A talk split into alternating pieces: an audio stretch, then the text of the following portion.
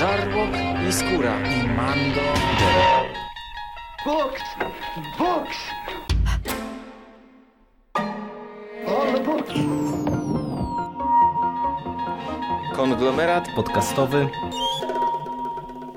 Strefa Mroku to podcast o legendarnym Niebezpieczne wizje Harlana Ellisona.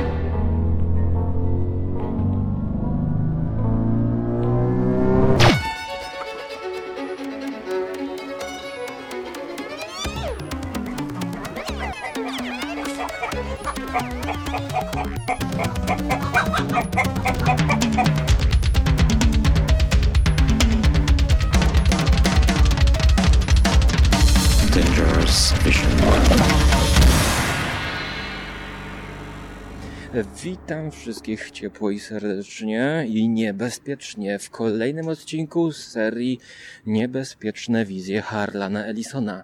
I dzisiaj w wirtualnym studio gościmy słuchaczy, Wisłę, no i naszego kochanego Rafała. Witaj, witaj Żarłoku, bardzo miło, że po raz kolejny y, zasiadamy do omawiania kolejnych opowiadań zamieszczonych w zbiorze Harlana Ellisona Niebezpieczne Wizje po naszych y, dwóch pierwszych odcinkach, po wprowadzeniu.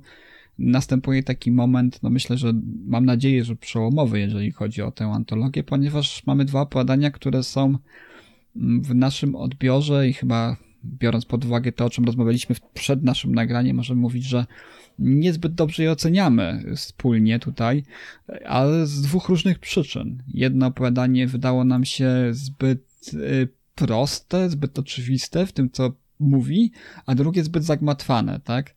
Y, Mieliśmy problem z przebrnięciem prze, przez drugie opowiadanie. Pierwsze znowu nie wnosi moim zdaniem nic nowego do, do fantastyki y, nie wiem, czy wnosiło w okresie, kiedy powstawały niebezpieczne wizje w 67 roku, czy, czy było to takie odkrywcze spojrzenie na, yy, bo tu mówimy, może od tego zacznę, o opowiadaniu Fryderyka Pola, dzień po dniu, w którym, kiedy przybyli Marsjanie. Właśnie, właśnie, poczekaj, poczekaj, bo ja tutaj miałem do ciebie Mm. pytanie. Trochę się rozpędziłem. Od razu poszedłeś na głęboką wodę. Ja tutaj wprowadzenie zrobię, że e, przy niebezpiecznych wizjach pomyślałem, że również ja, tak jak niektórzy twórcy i autorzy opowiadanie, będę tutaj łamał, e, łamał standardy nagrywania i dzisiejsza audycja, przynajmniej u mnie, nagrywana jest na spacerze e, nad Wisłą, tak więc wszelkie zanieczyszczenia dźwiękowe mogą naszym słuchaczom się wedrzeć do uszu.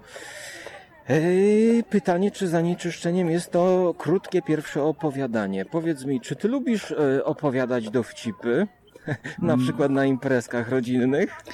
Y, Czy lubię opowiadać dowcipy? Nie, nie jestem w tym dobry. Bardzo rzadko pamiętam dowcipa. Jeżeli już jakiś pamiętam, to zazwyczaj psuję puentę w jakiś sposób.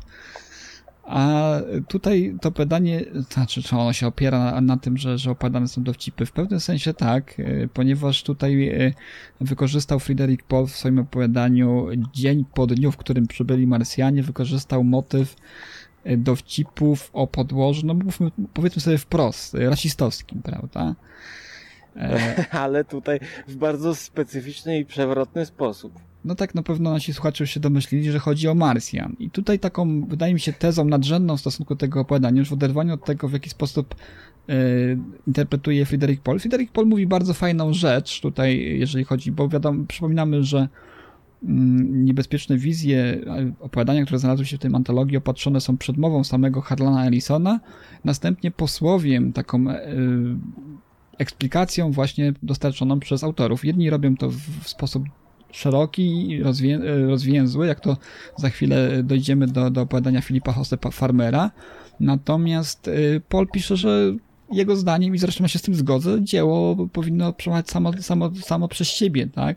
Odbiór dzieła i interpretacja dzieła już po tym, jak wyjdzie spod pióra y, artysty, pisarza, y, powinna być poddana ocenie i po prostu interpretacji samego odbiorcy, prawda?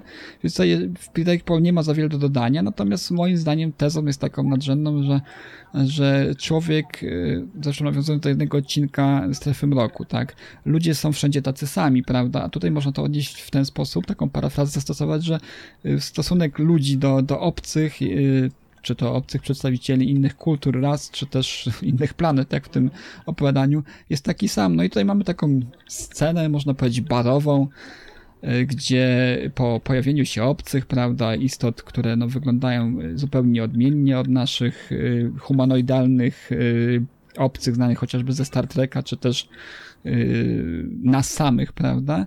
Są jakimiś takimi stworzeniami bliżej Lovecraftowskiemu wizerunkowi właśnie jakichś tam obcych istot.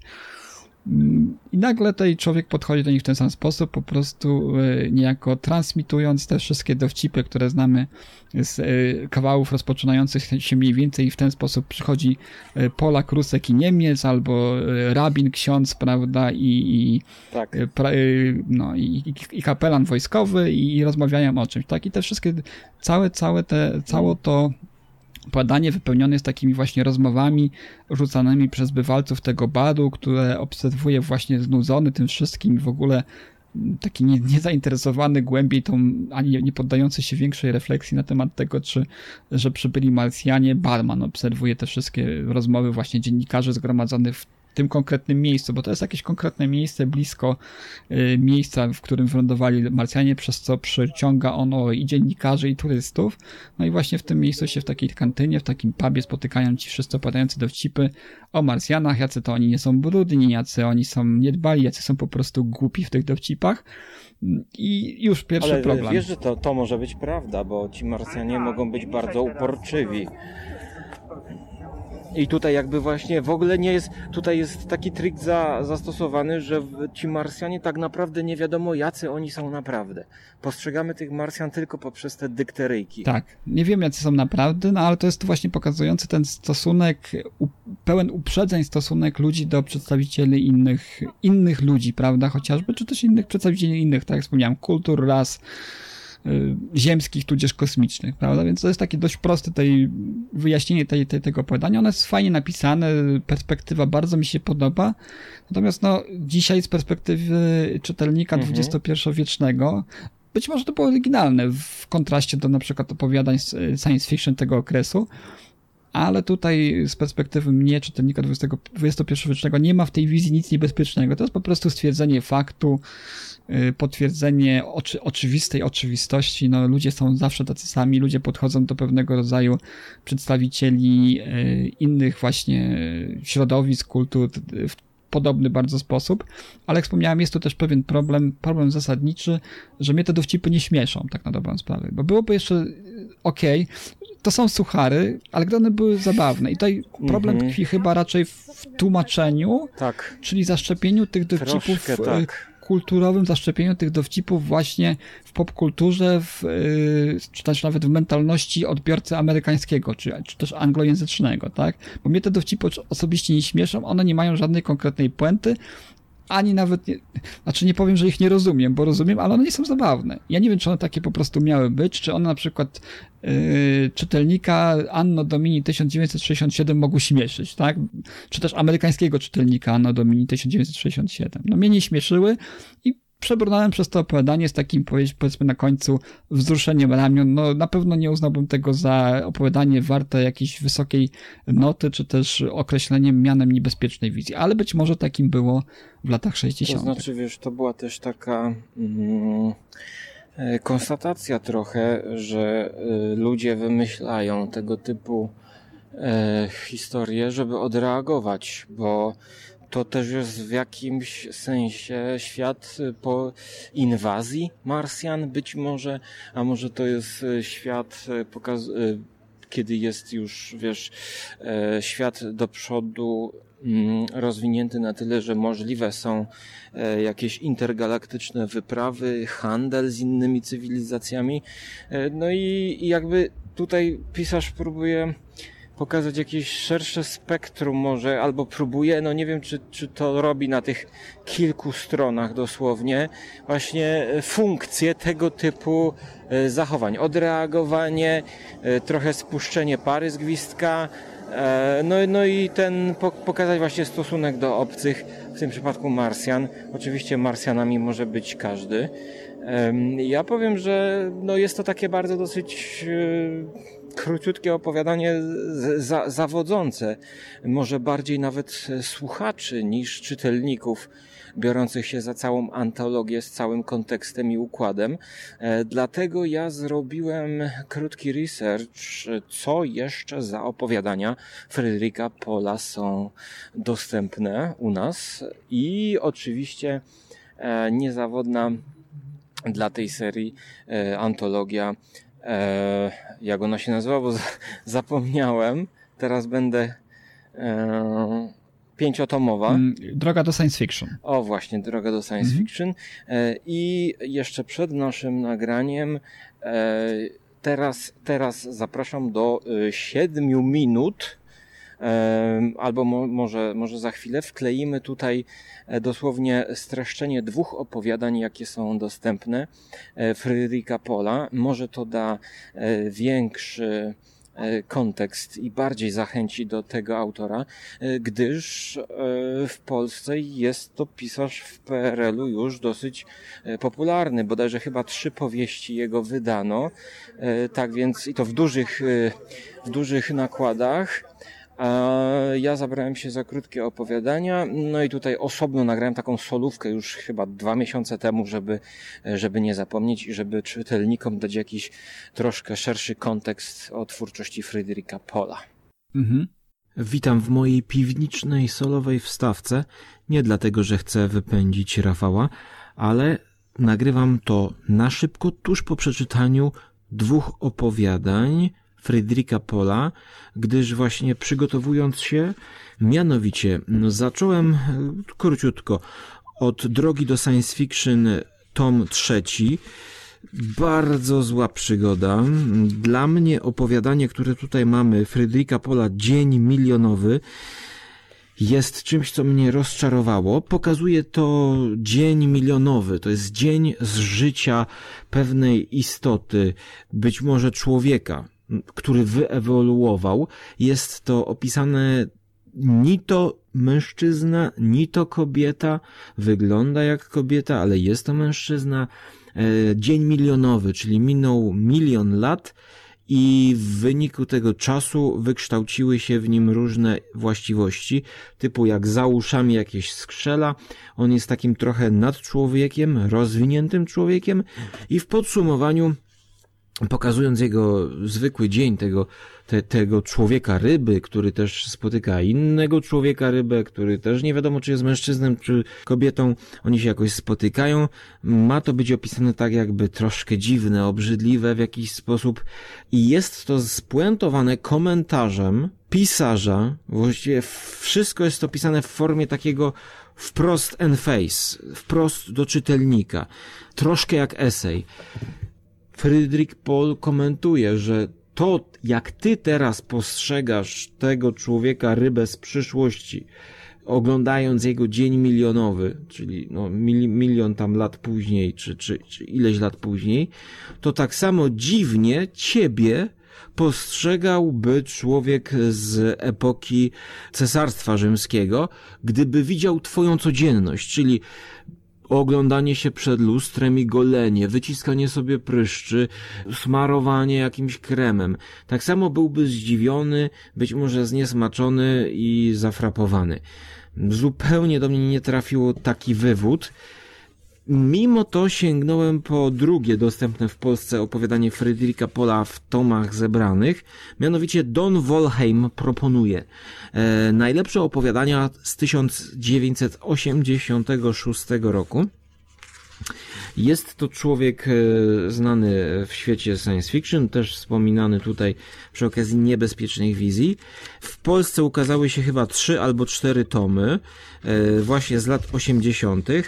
Don Wolheim proponuje, no, według niego najlepsze opowiadania. E, I tutaj zaciekawiło mnie coś już ze względu na sam tytuł, mianowicie mm, Friedrich Paul, Fermi i Mróz. Tytuł już sugeruje zimę, w tym przypadku nuklearną zimę. I podobna narracja. Tutaj mamy taki duży wywód, opis, jakby wyglądała Ziemia, która jest w trakcie, a właściwie po wojnie nuklearnej.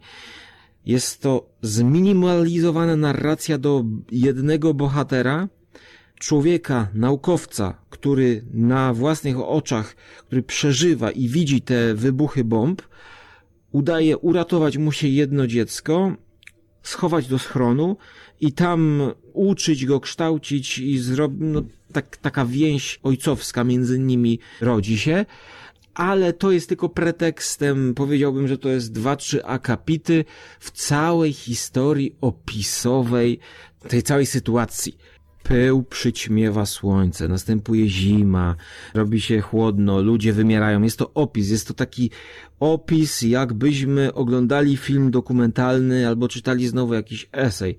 Zupełnie mnie to nie wzięło, nie byłem w stanie wejść, wciągnąć się w narrację. Raczej bym to widział jako coś pomiędzy artykułem w gazecie, typu nowinki techniczne, najnowsze przewidywania naukowców, co by było, gdyby wybuchła trzecia wojna światowa z użyciem głowic nuklearnych. Tutaj widzę punkty styczne pomiędzy tymi dwoma opowiadaniami. Jest po prostu myśl, wywód, wprost do widza, do czytelnika kierowany. Powiedziałbym naukowa science fiction, bardziej niż emocjonalna.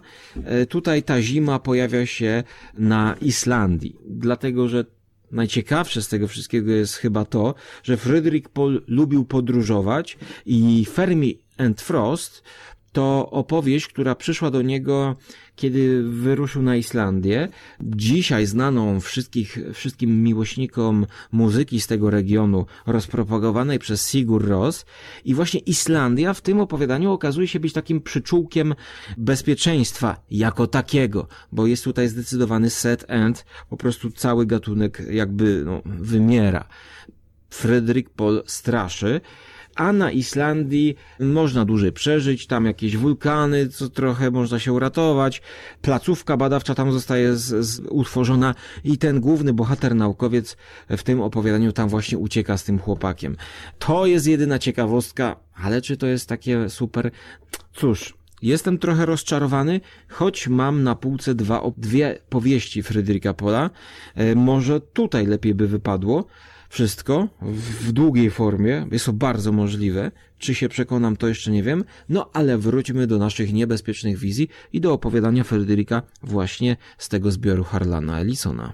No cóż, no czyli, czyli tutaj ogólnie z naszego przynajmniej doświadczenia, jeżeli chodzi o krótkie formy y, samego Fryderyka Pola, nie możemy y, w 100% polecić. Ja wiem, że on ma szerokie grono odbiorców. Przyznam się od razu, że tego naj, najsłynniejszego cyklu jego, który, tak wspomniałeś, był wydawany w Polsce, czyli Gateway, nie czytałem, nigdy nie miałem wcześniej styczności. Tak, Droga do Gwiazd, nie, nigdy nie miałem styczności z tym, a na podstawie właśnie tego opowiadania, no nie urzekło mnie to. Tak chyba, tak jak rozmawialiśmy w, w jednym z naszych poprzednich nagrań, dla mnie zawsze antologie były takim progiem, za którego ja wychodząc szukam nowych, nowych pisarzy, nowych opowieści, które, które mają mnie zachwycić, które mają wskazać mój kierunek na dobrych literatów, jeżeli chodzi o ten gatunek. Natomiast no tutaj po przeczytaniu tego konkretnego opowiadania jakoś bym się nie skusił do tego w jakimś tym najbliższym czasie, żeby sięgnąć po, po te słynniejsze powieści. Być może one są lepsze, być może one zasługują, z pewnością zasługują, skoro ktoś uznał, że są tego warte, te, te, te powieści i opowiadania nagród. Natomiast no, mnie, czytelnika prostego, odbiorcę, prawda, y, tego pierwszego kontaktu z tego typu literaturą jakoś to nie zachwyciło. Także no, pierwsza niebezpieczna wizja, z którą troszeczkę rozbijamy się, jeżeli chodzi o jej wielkość, zdaniem Harlana Allisona jaka była, i też jej niebezpieczność, tak, czyli spojrzenie na rzeczywistość, czy też na literaturę science fiction z innego kąta widzenia, tak. No dzisiaj ona nie robi żadnego wrażenia.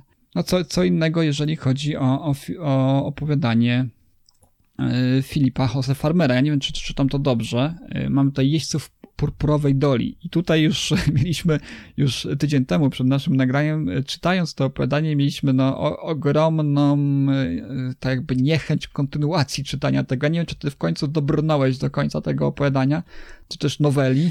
Zaraz, zaraz ci odpowiem, ale zanim przejdziemy do, do drugiego opowiadania, to no niestety zgodzę się z tobą, że mnie do dalszej eksploracji chyba nie zachęciły te inne krótkie opowiadania. E, choć to jest e, no szkoda, bo mój tata na swojej półce e, w bibliotece ma właśnie dwie powieści z dawnych czasów, więc jakby no nie stoi nic na przeszkodzie, żeby tylko wyciągnąć rękę i sięgnąć po to a jakoś tak no niezbyt mnie, mnie, ciągnie, choć powiem Ci, że forma tych powieści Pola jest ciekawa, bo ona zahacza właśnie trochę o jakieś takie dzienniki, e, wręcz graficznie i wizualnie. Układ strony e, zaciekawia, żeby się w to wgryźć, czyli wiesz, masz jakąś e, chyba relację z podróży kosmicznej, zapisaną e, w różnych czcionkach, w różnych formach, no, może to jest coś ciekawego. E, natomiast, żeby tutaj e, zrobić tradycji naszej serii, to coś marsjańskiego przygotowałem, krótki przerywnik muzyczny. Może tym razem coś bardziej nieoczywistego niż oczywiste konstatacje Friedricha Pola, e, bo mam piosenkę, utwór Nika Cave'a, który raczej kojarzony jest z muzyką e, jakże przyziemną, e, muzyką bardów Leonarda Coena i tak dalej, a tutaj w krótkim serialu dokumentalnym pod tytułem Mars zrobił całkiem ciekawą mm. elektroniczną, klasyczną muzykę, e, właśnie e, ilustrującą chyba wyprawę na Marsa. Nie oglądałem tego dokumentu, ale taka krótka dźwiękowa pocztówka z kosmosu pomoże nam bardziej sprawnie wgryźć się w tego kolosa, który niczym Mars czeka na horyzoncie dla nas.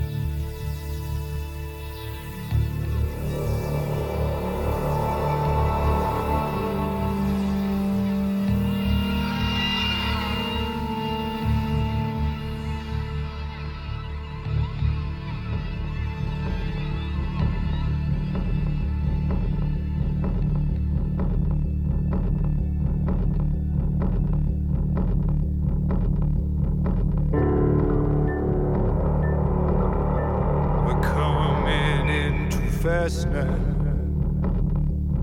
Everyone is burning bright.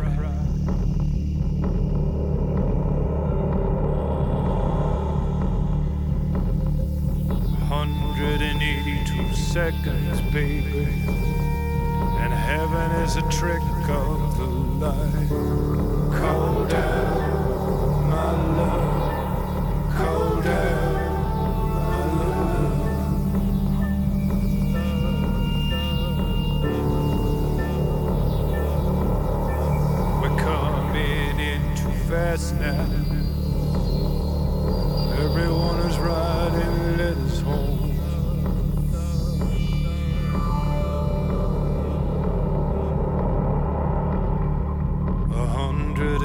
Eighty-two seconds, baby, and heaven is a dress unknown. Calm down, my love.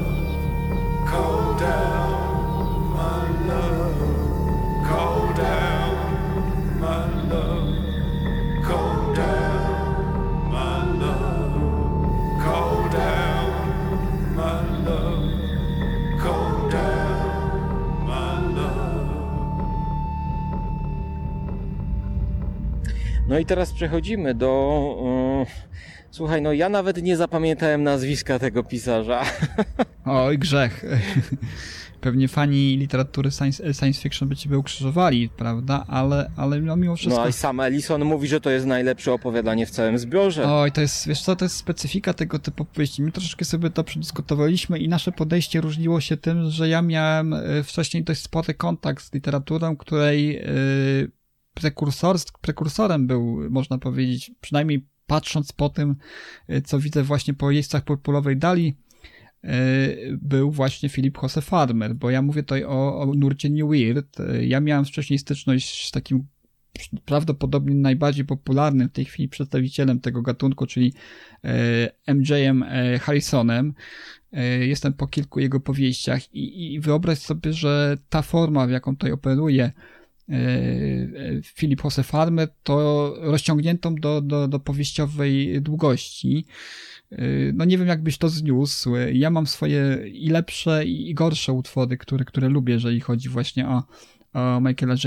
J. e, Harrisona. Jest Nowa Swing, które, które bardzo lubię, ale w ten nurt również wpisują się inni autorzy, u których ta forma, ta taka, no, powiedziałbym, bardzo trawestująca w prozę w kierunku bardziej poezji, bym nawet powiedział, tak? Jakieś tam Mhm. głębszego dna w, Poetycka, tak. poetycka, jest dużo, dużo e, fajniej połączona z e, tym fabułą. To sobie cenię właśnie w tym nurcie.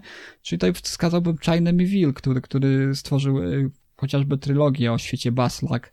E, Bardzo fajną. Gdzie- Gdzieś ten balans został zachowany pomiędzy właśnie tą dziwnością sposobu narracji i dziwnością świata przedstawionego z fabułą, która jest wciągająca, interesująca, yy, którą, się fajnie czyta obok tej, tej, tej, tej formy poetyckiej niejako lub mimo niej, Mhm. prawda? A tutaj niestety mamy to, to takie totalną jazdę bez trzymanki.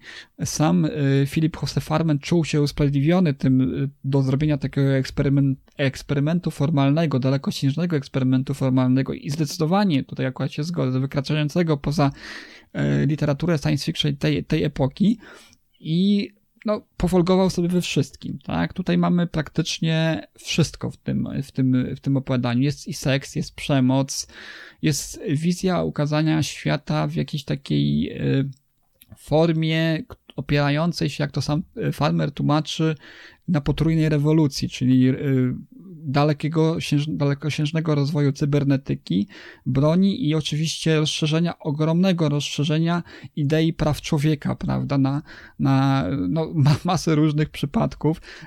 Ja widzę to w dzisiejszych czasach. Jest bardzo istotna kwestia i mi się wydaje, że to jest dość ciekawe y, opowiadanie, jeżeli chodzi o współczesność naszą, tutaj nam, nam, nam bliską.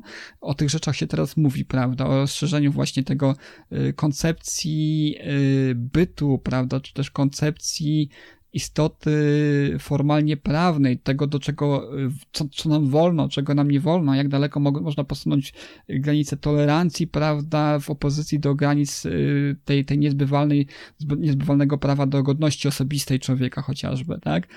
Y, I to wszystko się tutaj miesza.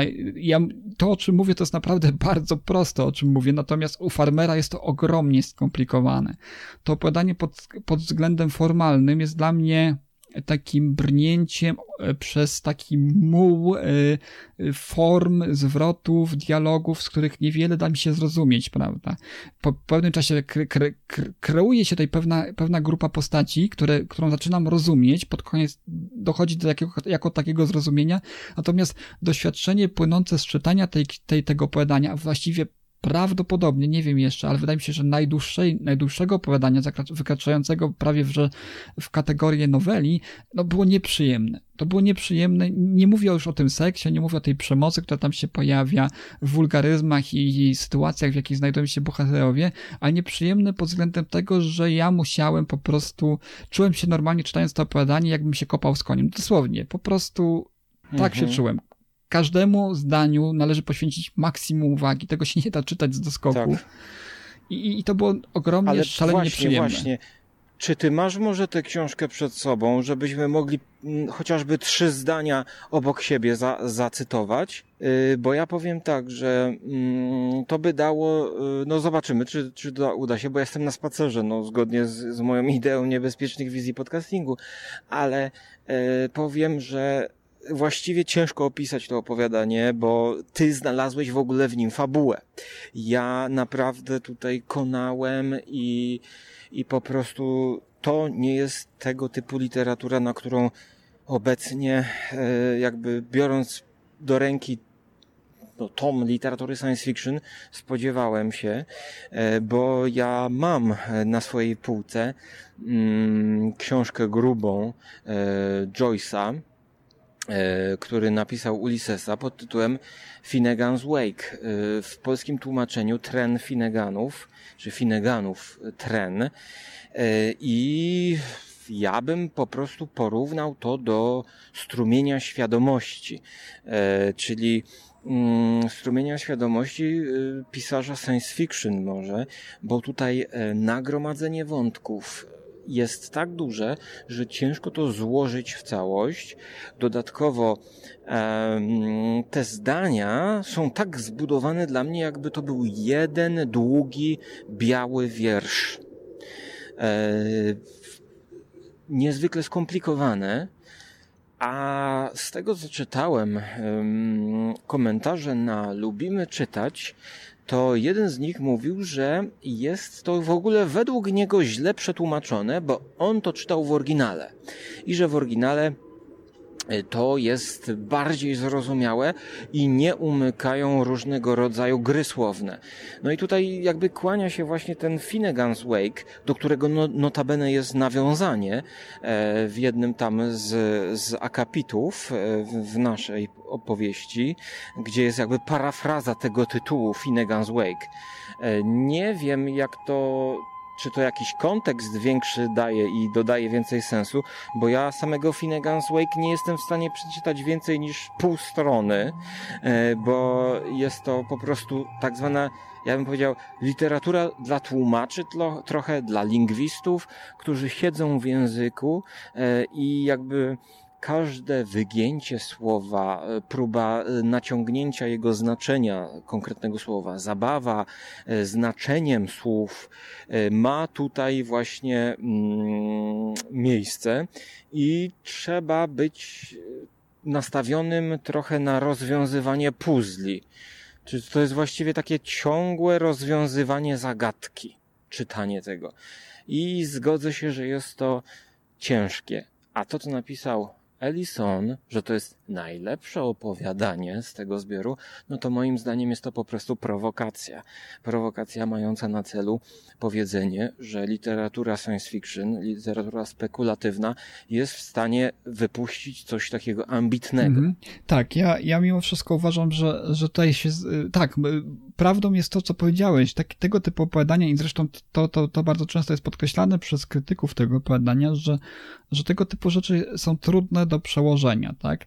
Y, to, co ja, ja, ja nie twierdzę, że Harlan Ellison autentycznie i szczerze się nad tym opowiadaniem nie zachwycał, bo jak wspomnieliśmy, gdzieś ta warstwa poetycka, tak, formalna tego opowiadania Y, ma też wszystkie przywileje i oczywiście wady, jakimi cechuje się poezja na dobrą sprawę, ponieważ dla, do jednych niejaki nie, utwór, utwór, trafi, do innych nie, jednych wzruszy, mm -hmm. innych nie. To wszystko zależy od naszej wrażliwości, naszego doświadczenia i percepcji, prawda? I to jest tego typu opowiadanie, którym być może się spodoba. Na pewno było prowokacyjne pod wieloma względami, bo tutaj obok rzeczy właśnie, które dotyczą seksualności y, człowieka, obok y, rzeczy związanych właśnie mm, z tematami tabu, których Założę się, że mało który pisarz w tym okresie poruszał w takim stopniu, tak dalekosiężnie i z takimi, powiedziałbym, e, taką brutalizacją pewnych kwestii związanych z tym wszystkim, e, no to wydaje mi się, że, że tutaj akurat wyprzedza, e, autentycznie wyprzedza to opowiadanie i sam Philip Jose Farmer swoją epokę. Tutaj akurat jestem szczerze przekonany, że, że Harlan Ellison był zachwycony tym opowiadaniem, bo ono jest na przekór wszystkiemu. To jest totalnie opowiadanie przez pod prąd, tak? Totalnie opowiadanie na przekór temu, do czego nas przyzwyczaiła ta klasyczna fantastyka, o której ja mówiłem, że do której, do której tak bardzo często lubię bardzo, bardzo wracać, bo ona cechowała się taką jakąś prostotą, która, od której uciekła współczesna fantastyka, tak?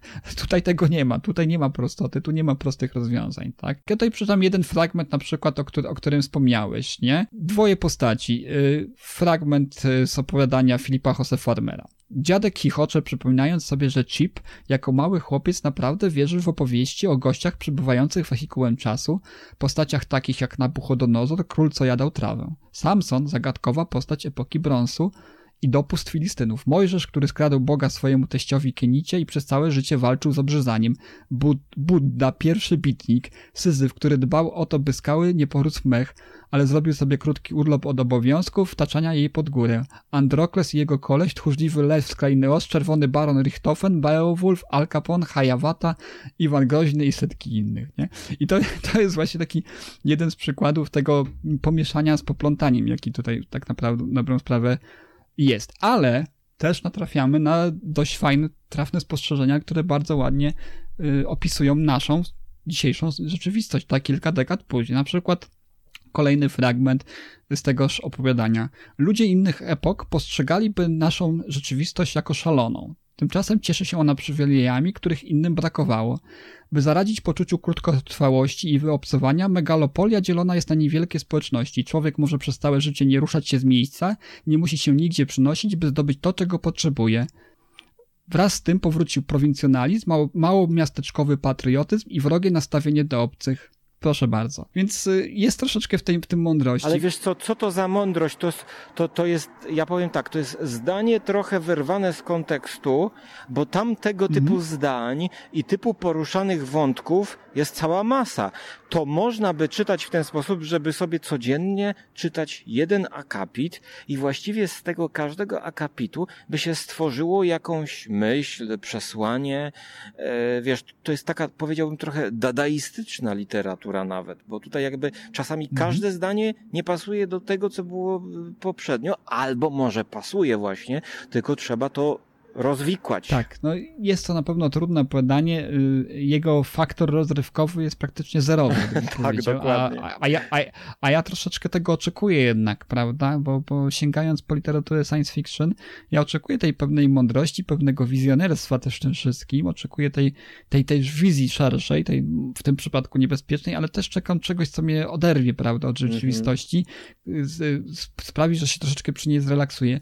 Na pewno y, gatunek New Weird jako ogół nie jest taką literaturą relaksującą. Tak? No, wspomniałem właśnie o Miwilu, który y, czy też Jeff Vandermeer, którego też serdecznie polecam, chociaż też nie wszystko, bo on czasami też potrafi odpłynąć, że ho, ho. Natomiast, no mówię, no jeżeli chcecie zaznać czegoś podobnego, jak tutaj tekst, o którym mówimy, lub być może już czytaliście i chcecie, i będziecie mieli dzięki temu lepszy punkt odniesienia, to na pewno Y, MJ Harrison y, albo M. John Harrison, jak się podpisuje, jest tego najlepszym przykładem. Nowa Swing, prawda, chociażby opowiadanie, które to jest takim praktycznie jeden do jeden przeniesienia tego formalnie stylu, którym tutaj operuje Philip Jose Farmer, tak?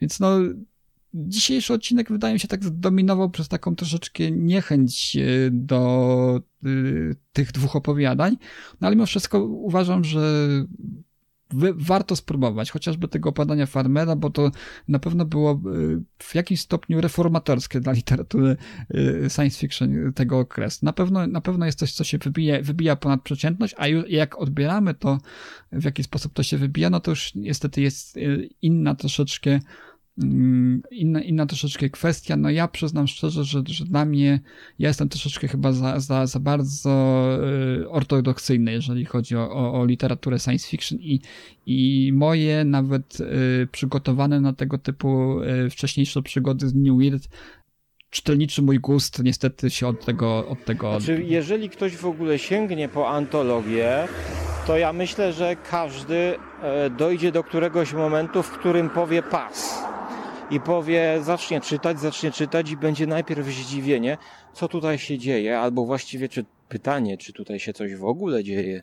I w pewnym momencie część po prostu ludzi mm. może hmm. spasować, e, więc ja bym zadał pytanie na koniec, e, czy tego typu opowiadanie w tego typu antologii jest czymś ciekawym. I sobie od razu odpowiem i tobie też zostawię miejsce na odpowiedź. Ja myślę, że jak najbardziej właśnie tego typu literatura e, ambitna, czy może właśnie awangardowa bardziej, e, może mieć miejsce i pasuje do takiej antologii ryzykownej, no tylko gdyby to było krótsze. Gdyby to było krótsze, to rzeczywiście pokazywałoby inną formę i dawało jakiś taki szerszy kontekst e, literatury science fiction jako takiej. A tak, całkowicie jest to w stanie przytłoczyć i zniechęcić do skonsumowania tego w całości. Więc e, przytoczony przez ciebie Vandermeer zetknąłem się z jednym jego opowiadaniem w innej antologii i rzeczywiście zdecydowanie bardziej lekkostrawny i polecany przeze mnie także. Mhm.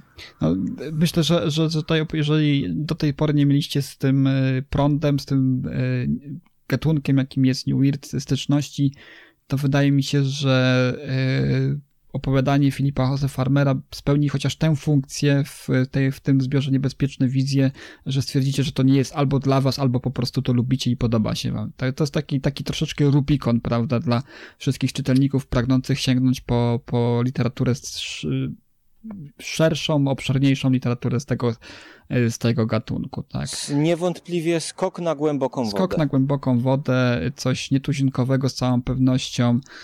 Y, też docenionego przez y, przyznających, przez kapituły właśnie y, przyznające nagrody na, na najpoważniejsze science fiction, prawda?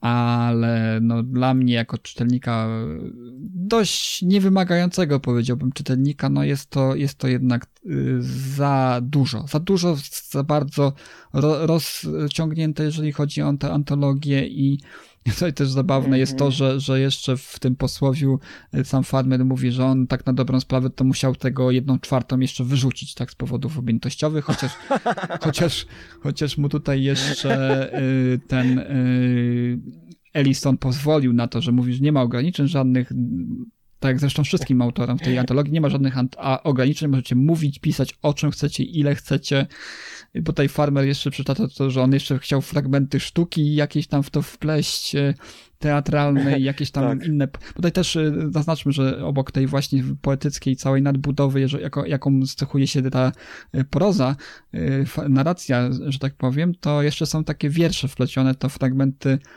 niejakiej poezji tej cechującej tą przyszłość opisywaną tutaj przez Farmeda i to jest jeszcze mniej strawne, jeszcze mniej akceptowalne, przynajmniej dla mnie. Tak? E, wiesz, e, ja rozumiem brak jakichkolwiek ograniczeń, ale tutaj farmer porzucił w ogóle zdrowy rozsądek, mam wrażenie, jeżeli chciał jeszcze więcej, bo on byłby w stanie napisać e, i 600 stron takim drobnym maczkiem i, i, i właściwie to mogłaby być niekończąca się opowieść. No, więc jakby zachowajmy trochę właśnie, e, może się. No, ja wiem, że to jest science fiction, czyli sięgamy w, w, do gwiazd, ale jednak stojąc twardo na ziemi, po prostu to rozbija układ antologii, burzy napięcie, i być może gdyby to dano na koniec e, książki i wstępnie ostrzeżono, że teraz wkraczacie na e, właśnie e, poziom awangardy i już całkowicie wylatujecie w kosmos i to jest tylko dla odważnych, taki bonus powiedzmy, epilog tej antologii. Na koniec, no to może by to bardziej działało, bo obawiam się, że tego typu literatura, która jest do czytania przy Wikipedii, właściwie to, to jest taka literatura z przeszłości, którą dopiero dzisiaj można łatwo czytać, no bo siedzimy i wpisujemy każde nieznane słowo, każdy kontekst sprawdzamy w Wikipedii, każdy mit przytoczony sprawdzamy w Wikipedii i, i to można czytać wtedy. Albo na przykład to jest dobra też literatura właśnie jako taki hipertekst do czytania w, e, w czytniku, e, którego akurat nie mam, ale wiem, że ty jesteś miłośnikiem. Jeżeli byłyby tam właśnie e, konteksty z linkami do e, artykułów opisujących mm, każdy, każdy szczegół i każdy detal znaczy, tu, tu, tu są dołączone dwie, dwie, dwa strony przypisów jeszcze do tego. Nie wiem, czy, czy zwrócić uwagę. Tak, tak no, to też prawda, zwróciłem, tak, tak, tak. Właśnie, więc jakby... co, co nieco wyjaśniają, co nieco wyjaśniają, ale to bardziej dla amerykańskiego odbiorcy, bo to też takie kwestie, które y, akurat paradoksalnie, jeżeli chodzi o, o, o to opowiadanie, są dla nas dość oczywiste, jeżeli chodzi o kontekst, nie? Ale, ale mimo wszystko są jeszcze dwie strony obok właśnie tego, że to jest najobszerniejsze, zajmujące, no, nawiązując do czytników, około 10% całości antologii opowiadanie, to, to jeszcze na dodatek jest y, strona przypisów, czy dwie strony. No właśnie, a powiem Ci, że e, Burgess, e, nie, przepraszam, nie Burgess, tylko Borges, e, argentyński pisarz, którego bardzo lubię, czasami pisze podobne opowiadania, tylko że jego opowiadania, które też są złożone z całych takich kontekstów e, postmodernistycznych właśnie e, nawiązań i przerabiania mitów. Nawet Borgesa są też opowiadania wydawane w antologiach. Złota Księga Fantazy zawiera jedno opowiadanie Borgesa, ale na przykład ja go lubię czytać, być może dlatego, że on jest strawny i, i jest świadomy tego, że to jest ciężko strawne i te swoje na przykład wiersze czy opowiadania robi długości właśnie jednej strony A4 albo nawet i pół strony A4. I to jest napakowane nawiązaniami, e, odniesieniami do przeróżnych e, klasyków, ale ze względu na bardzo krótką formę. Jest to przyjemne i jest to wyzwanie proza Borgesa. E, no ale tutaj właśnie jakby e, ta zgodność formy z treścią. Po prostu tutaj forma jest zbyt rozpasana co do treści, albo, albo po prostu to jest już ten moment w literaturze, w której ja mówię, ja już jestem za głupi, albo ja już wymiękam. Niestety, niestety pasuję pasuje. I myślę, że powoli na dzisiaj też możemy pasować i pozostawić naszym słuchaczom do wyboru, żeby oni sami zdecydowali, jak długo poczytają i ile ogarną tej prozy. E, no i jestem bardzo ciekawy komentarzy i, i wszelkich uwag co do tego tekstu, gdyż może otworzy nam to e, drzwi do jakiejś ciekawej dyskusji i ciekawych spostrzeżeń, których my nie zauważyliśmy. Tak, ja mam nadzieję, że, że kolejne opowiadania przyniosą mniej rozczarowań, bardziej trafią w nasze gusta. Może, może, to, może to jest lepszym y, tej wyznacznikiem. Bardziej trafią w nasze gusta, bo, bo nie, nie, nie chcę tutaj skreślać mhm. tych opowiadań, że, że one po prostu mogą się komuś nie spodobać, tylko po prostu e, też kwestia nastawienia, bo my, my się spodziewamy nie wiadomo czego po tych niebezpiecznych wizjach, a wciąż gdzieś tam z tyłu głowy powinniśmy mieć tą perspektywę czasów, kiedy powstawały, i perspektywę tego, jak pojemnym określeniem jest niebezpieczna wizja, prawda? Tak, no bo to nie są złe opowiadania, takie, że złe, że, żebym je przekreślił i całkowicie stwierdził, że to jest bez sensu, prawda? To jest, tylko one są jakby, no, dla nas być może osadzonych w dzisiejszej popkulturze. E, pierwsze opowiadanie, no, jest po prostu takie e, trywialne, a drugie jest e, po przeciwnej stronie te, tego określenia. Niezły kontrast wyszedł, jeżeli chodzi, bo tak, tak nam wyszło akurat, że te dwa opowiadania e, back to back, Mhm. nie? Opowiada, omawiamy. Dokładnie. Dokładnie, więc cie, cie, ciekawe zestawienie dzisiaj się nam trafiło. E, No i chyba już kończymy, Rafale. Mhm. W takim razie ja pozdrawiam. Ja pozdrawiam ze spacerku i e, wszelkie odgłosy tła i miasta Krakowa i Wisły i przechodniów były e, zamierzone, podobnie tak jak wszelkie nawiązania u farmera.